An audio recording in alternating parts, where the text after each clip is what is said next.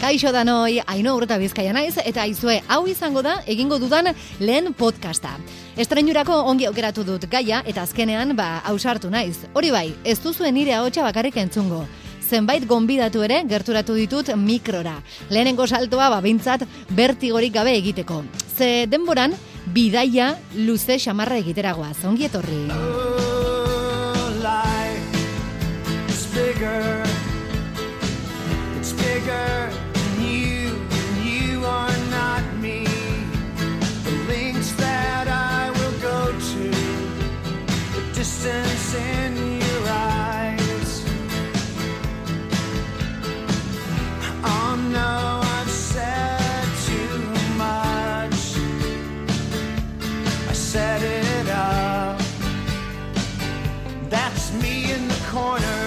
Hogeita mar, hogeita mar urte igaro dira kantu hau lehenengo zentzun genuenetik, baina lehen segundutik identifikatzen dugun dagoeneko ere serki bat da.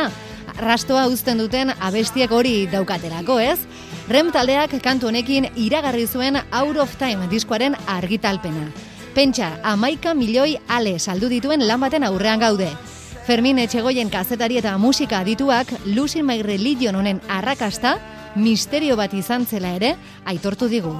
Kantu bat ba, oso malean koniatsua, ondo ulertzen ez dana, eh, ohi bezala, eh, Rem taldearen eh, kantuetan edo hitzetan, baina badaukana indar hipnotiko bat, ba, ba zela, ez? Agian ez dakit, baita ere ba, lauz moduko ura, ez? Ematen ziona, ba, ba, etortze zegoen sonoridade akustiko eta jator, malenkoniatzu jator bat ere bazegoen, garo eta marreko amarkada ba, giro hartan bazegoena, ez? Ez Nik ez dakit zein den eh, arrazoia eta esango nuke haiek ere etzekitela espaitzuten, espero. Ez omen zioten hit bat izateko potentzialtasunik ikusten honi, gainera, bueno, laud edo mandolina erabiltzen ere, hilabete batzuk lehenago ikasi zuen Peter Bakek, eta berez, etzen single komertzial baterako egokia edo. Ez zuten agian lehen lerroa bilatzen, baina ordurako disketxe handi batekin zeuden lanean. Horrela kontatu digu Marijo Horia gazteako programatzaile eta musika edukien arduradunak. Warnerrekin sinatu zuten, justu aurreko diskoa ere Warnerrekin atea zuten, eh, Green. Baina Out of Time, osea Greenekin lortu zuten zozer, baina Out of Timeekin zer gertatu zen. Hauek sekulakoa egin zuten, batez ere e, mundu oso mailan egin zuten, ba hori, ba, banaketa oso ona, publizidadea, eta gero diskoa, diskoa mundiala zen. Orduan jendeak bapatean esan zuen zein da talde hau. Jendeak, ea, ordura arte ezagutzen ez zituztenak, ez? Lehendabiziko singela jartzen didazu Lucy Marlion bat eta eta eta eta bombazo izugarri izan zen baina mundu osoan.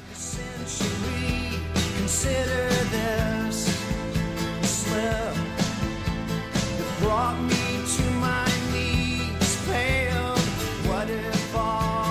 Baina horrelako sona baten ondoren, sarritan gertatzen den moduan, ordu arteko zale guztiei ba ez zitzaien beraien talde kutxunaren arrakasta hainbeste gustatu. Bueno, diruzaleak eta batzuk esan zieten horregatik aldaketa horrengatik zirela, baina baina ikusten da azkenean beraiek egin zuten kontratuan gainera oso argi utzi zuten nahi zutela jarraitu beraiei gustatzen zitzaien musika egiten eta eta hori lortu zuten disketxa handiago batekin.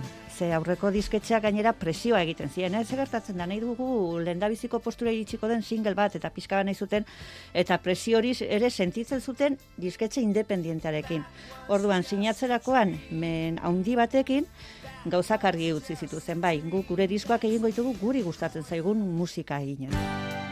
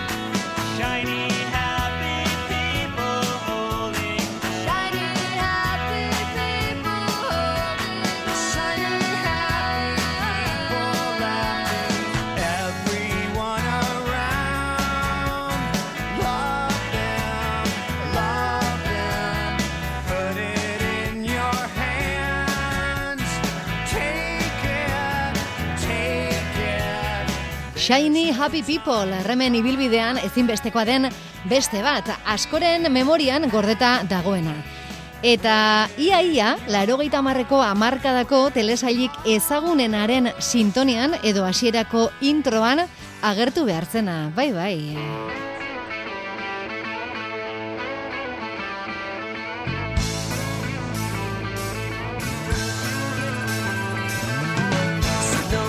Larogeita malauan estrenatu zen Friends telesaia eta lehenengo atala baino lehen telebistan beti egiten den piloto edo frogazko atal horretan remen kantu hau izan zen lehen aukera. Baina itxura denez, azken momentuan Mike Stipek berak uko egin zion kantu hori erabiltzeari. Eta hain ezagun egin den The Rembrandts taldearen I'll Be There For You abestia geratu zen azkenean sitcom ezagunaren sintonia gisa. Baina, bueno, gu momentuz itzul gaitezen remen. Izan ere, rem taldeak berak Shiny Happy People hau gehiegi etzuen maite izan, eta eurak onartuta benetan gorrotatu ere izan dute. Marijo horia, rem zalea morratua izan da, eta berak ere gogoan dauka bai. Shiny Happy People. Ez zaie bat ere gustatzen hori, bai, atera zuten, e, oi time diskoan, e, Kate Pearsonekin, e, B-52 e, taldeko kantariarekin, grabatu zuten, eta hori uste du sekula ez dutela zuzenean jo. Basaten dute ume, ume batek egindako kantu bat dela. Ez daudela batere arro, abesti horrekin, sekulako izugarrizko arrakasta izan zen, hola mundu mailan eta baina beraiei etzaile batera gustatzen. Are gehiago, Estaipek berak iradoki zuen nazioarteko zigor auzitegian epaitu beharko luketela abesti honengatik. Kontua da, gorrotuak gorroto, abestiak sortzen jarraitu zuela Georgiako bandak eta urte betera, mila bederatzireun eta larogeita mabian, zer eta beste arrakasta hau atera zutela.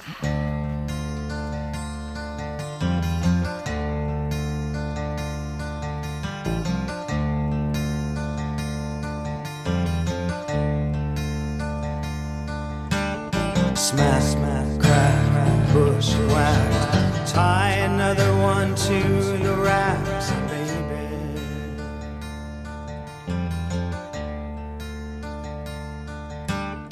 Hey, hey, kids, rock and roll. Nobody tells you where to go, baby.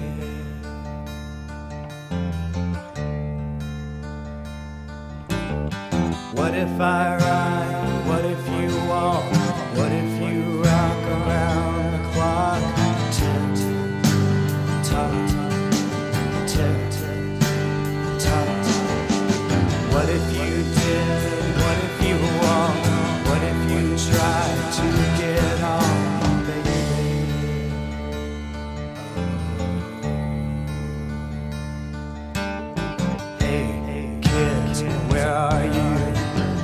Nobody tells you what to do, baby.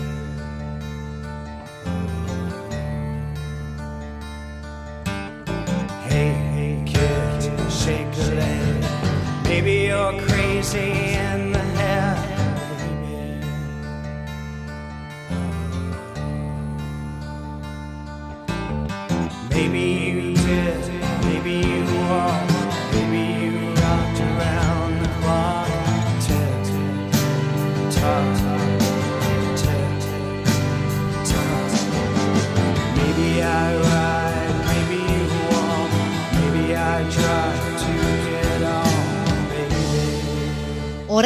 zabaldu zuten Automatic for the People diskoa.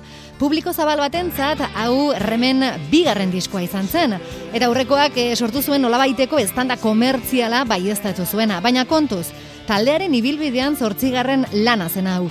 Eta horrela harrapatu zuen Fermin Etxegoien. Zan bete-betean bizizan nuela, ez? E, out of time edo Losing My Religion kantuaren bitartez, hark ekarritako rem taldearen musikaren zabalkundea.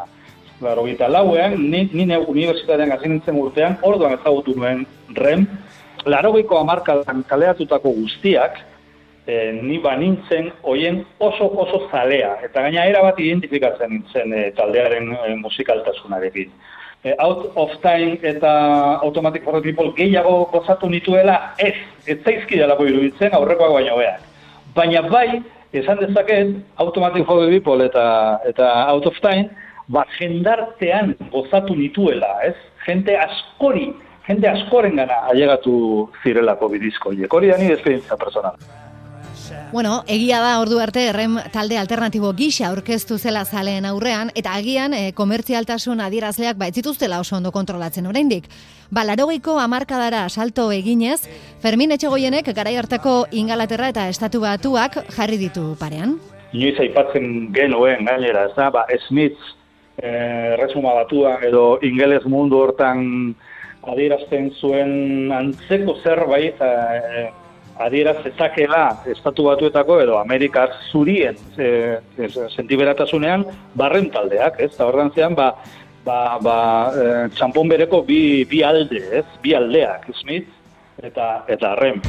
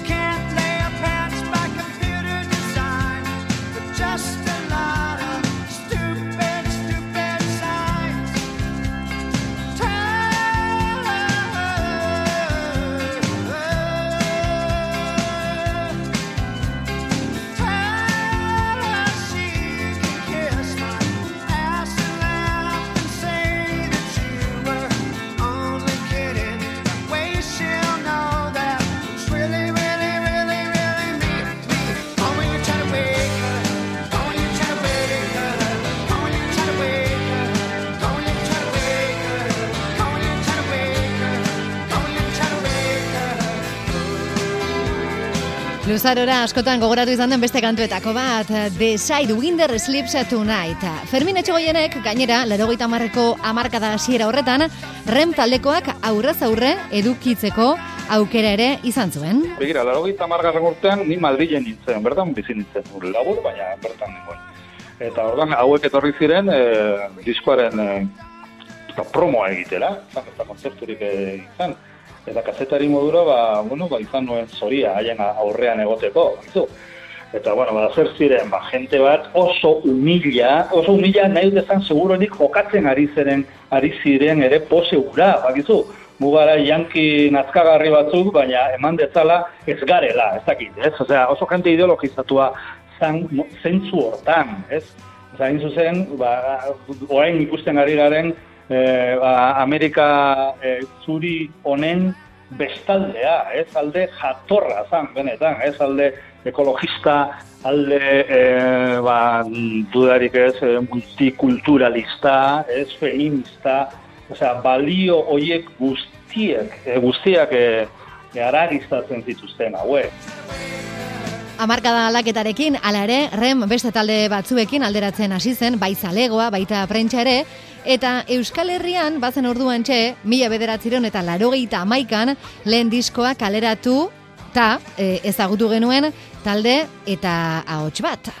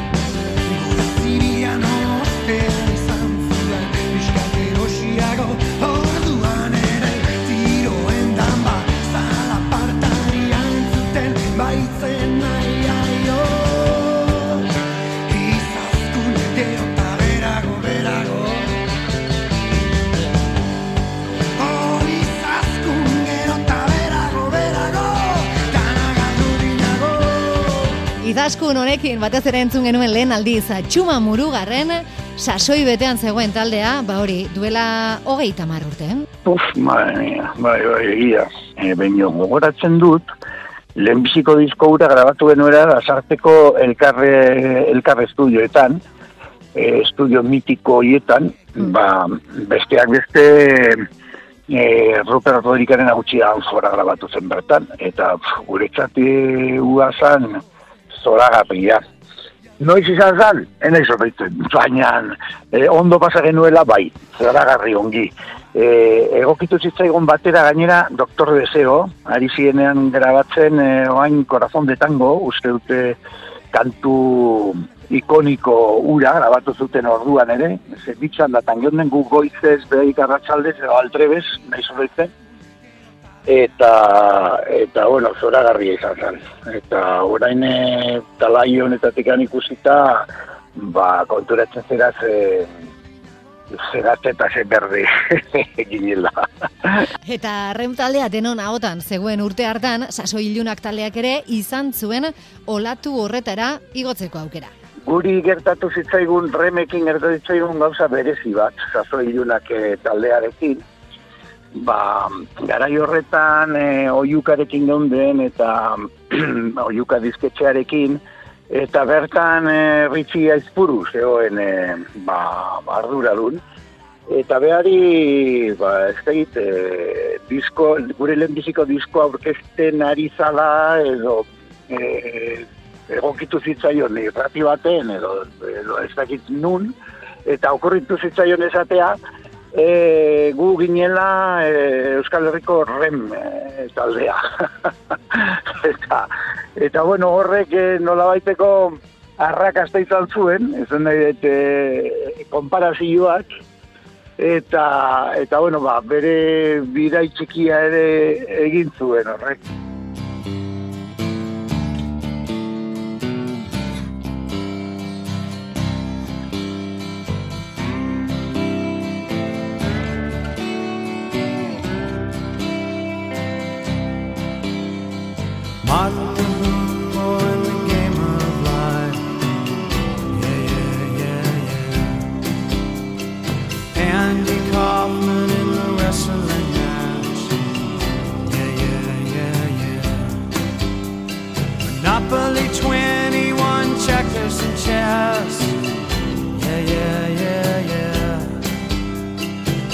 Mr. Fred Lassie in a breakfast mess. Yeah, yeah, yeah, yeah. Let's play Twister, let's play Risk. Yeah, yeah, yeah. Yeah. I'll see you in heaven if you make the. Yeah, yeah, yeah, yeah. Now, Andy, did you hear about this one? In? Andy, are you goofing on Elvis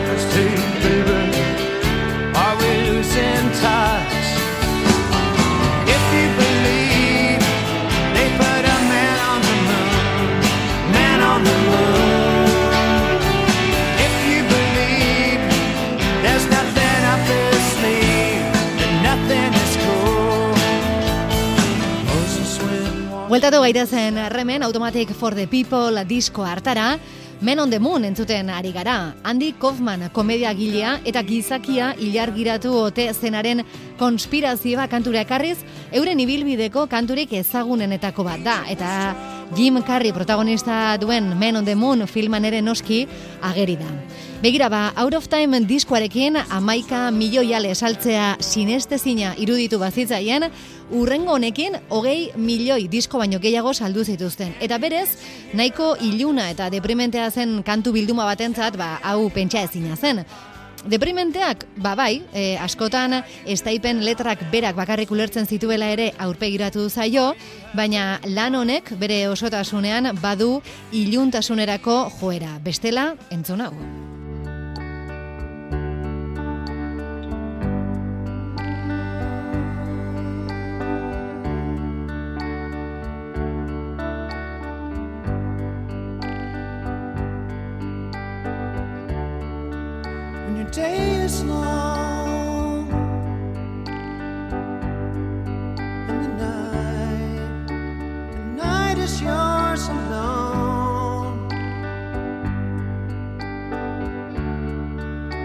to show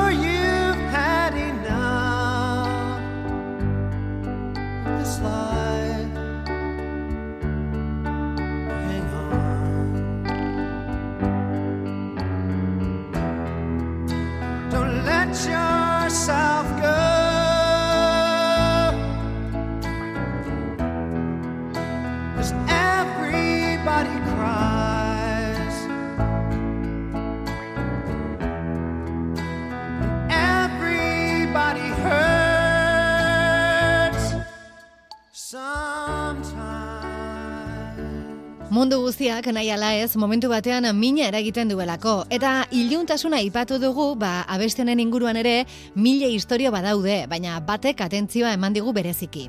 Mila bederatzireun eta larogeita amalauko apirilaren bostean, remen disko atera eta bi urtera, orduan puri-purian zegoen Nirvana taldeko Kurt Cobain Seattleko bere etxeko logelan hilik agertu zen. Hogeita zazpi urterekin bere buruaz beste egin zuen eta zer aurkitu zuten bere musika irakurgailuan? Ba bai, Automatic for the People. Eta beraz, Cobainek entzun zuen azken diskoa hori izan zela ere badiote askok. Mundu osoak bezala, Mike Stiperek ere, ez agian sorpresaz, baina apenas hartu zuen noskiko bainen eriotza. Eta handik urte batzuetara itortu zuen, elkarrekin disko bat grabatzeko gonbitea bidoli ziola kobeini. Egazkin txartela ere erosi ziola Georgiara bidaia ordainduz, eta are gehiago, taxi gidari bat amar orduz izan zuela bere etxe parean zain. Baina noski, kobein etzela inoiz etxetik atera. Mike Stipek larogeita malauan, bertan atera zuen urrengo diskoan, Monster izenekoan, hau eskainizion bere lagunari.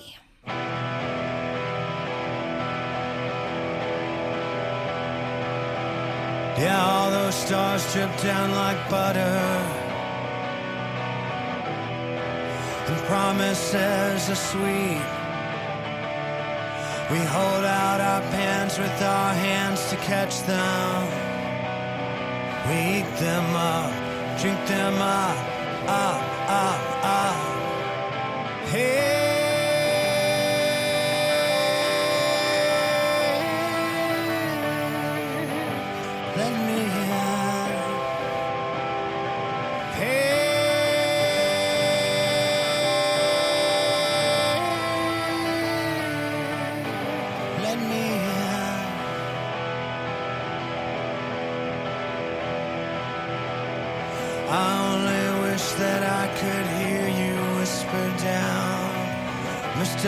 To a less peculiar ground.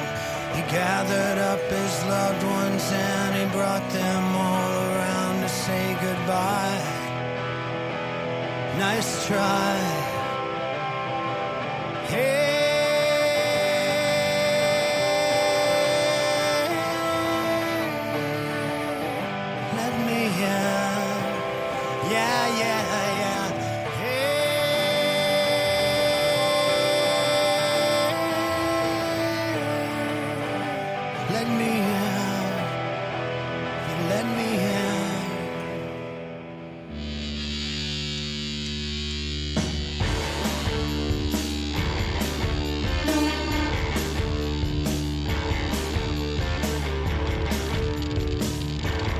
Out of Time eta Automatic for the People diskoekin etzen biran atera arren, baina bai Monster atera eta berehala. Noski, gurean ere izan ziren, mila bederatzeron eta larogeita amabosteko, otxailaren amabostean donostiako belodromoan agertu ziren Mike Stipe, Peter Buck, Mike Mills eta Bill Berry. Irian oso ondo hartu zituzten, eta Marijo horiak horrela gogoratzen du. Garai hartan, gaur egun nire talde gustokoenetarikoa da, baina beste batzuekin batera, baina justu garai hartan zan nire taldea. Rem, orduan, zer esango izut, jakin nuenean donostiara zetorrela, bueno, basalto kasi nintzen, horrela izan zen, eta gero gainera, en, esan dezaket, nire bizitzako kontzertua izan dela. Benetan, eh? Bai, ba, momentua ere ura zelako, nire taldea zelako, beraien kantu guztiak ezagutzen ditun, en asko entzuten nuen beraien musika, eta kontzertu puska izan zen, benetan, baina izugarri izan zen. Oso, oso ondo pasa nuen, ez de sekula, ondo pasa kontzertu batean. Larogeita bostean gazte irratiak bost urtetxo bete zituen eta edurne ormazabal zegoen koordinatzaile lanetan. Berak ere gogoan du remen bisita. Bueno, garai hartan egia da horrelako talde haudiak ba, iristen zirela, ez? Birak e, estatuan egiten ziren e, bira hoietan Donostia izan ohi zen, ez? E, oiko, oiko puntu bat, ez? Talde gehienak etortzen ziren, bai estatuko biren barnean edo bai Frantziako biren barnean, ez? Bueno, nahiko ohikoa zen, eta ez ziren urtero urtero etortzen, baina, baina bueno, etzan, etzan hain berezia, eh? Bueno, beti gozatzen genuen eta horrelako talde handiak donostira etortzeak, ba, bueno, beti ere ba, hiri osoa nolabait guztitzen zuten eta musika giroa eta irratitik ba, beti bizitzen genuen, bueno, ba, albiste noiz, nora iritsi diren, zein hoteletan egongo diren, bueno, beti ere zirrara informazio hori lortu alizateko gogo, gogoekin eta bueno, bueno, asko disfrutatzen genuen, egia da.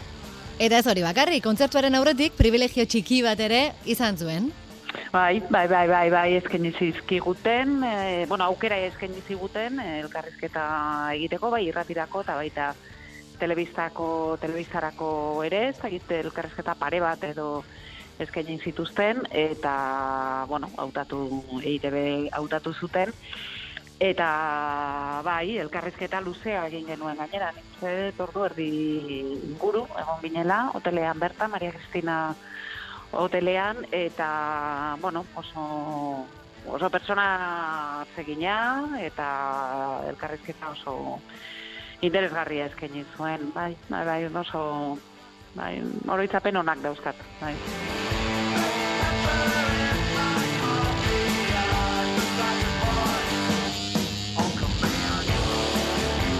Ba, iritsi zen zuzenekoaren momentua eta Gran Libufalo Kaliforniako taldearen ondoren belodromoko estenatokira agertu zen laukotea. Orduko, irumila eta bosteun pezeta ordaindu zituzten milaka lagunen aurrean, eta tartean, nola ez, Mari Jorian. Hasiera eh, izan zen monster eh, aurkezteko atera zuten lehendabiziko singelarekin, goze fre frekuentzi keniz, gainera oso, oso kantu potentia da, berazten da, gitarrarekin hor, orban hori izan zen, izan zen Peter Buck Brun eta zeitu nazten da kantatzen Michael Stipe eta jende guztia saltoka, hasiera hasieratik. Izan zen, baina izugarrizko izugarrizko estanda hasiera hori.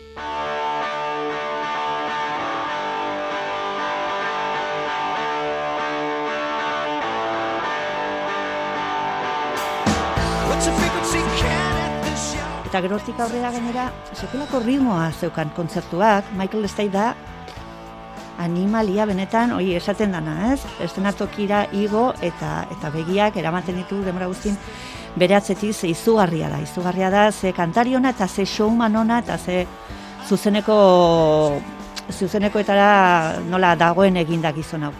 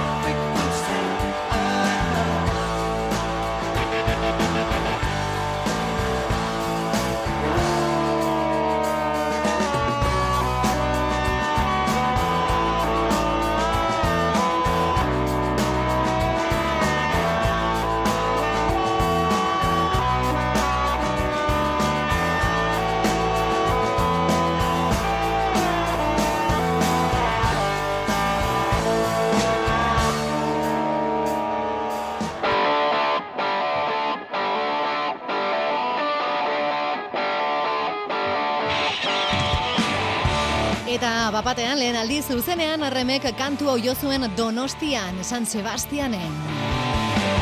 Arrived Singapore, San Sebastian, Spain 26 hour trip Salt Lake City, come in spring over the salt flats of Hailstone Rock Singapurretik San Sebastian ere egindako hogeita sei orduko bidaia ipatuz, hasten da Departure kantu hau, urrengo diskoan sartuko zutena, baina estreinatu estreinatu Donostian egin zuten ordu arteko euren hit guztiekin batera. Gehien bat, azken hiru diskotako kantuak oso gutxi izan ziren eh, aurreko diskotakoak batzu bai, baino gutxi. Ez? Orduan eh, hasi monsterrekin, gero automatik eta gero autofeineko disken kanta batzuk eta gero apur batzuk izan ziren ba, ba aurreko diskoetakoak eta bukatzeko, bueno, e, Is the End of the Wall, as we know it kantuarekin. Ezin zara imaginatu Michael Stipe nora eramaten duen kantu hori zuzenean. Eta jendea bera egin. That's great, it starts with an earthquake, birds and snakes, an airplane, and Lenny Bruce is not afraid. I have a hurricane, listen to yourself,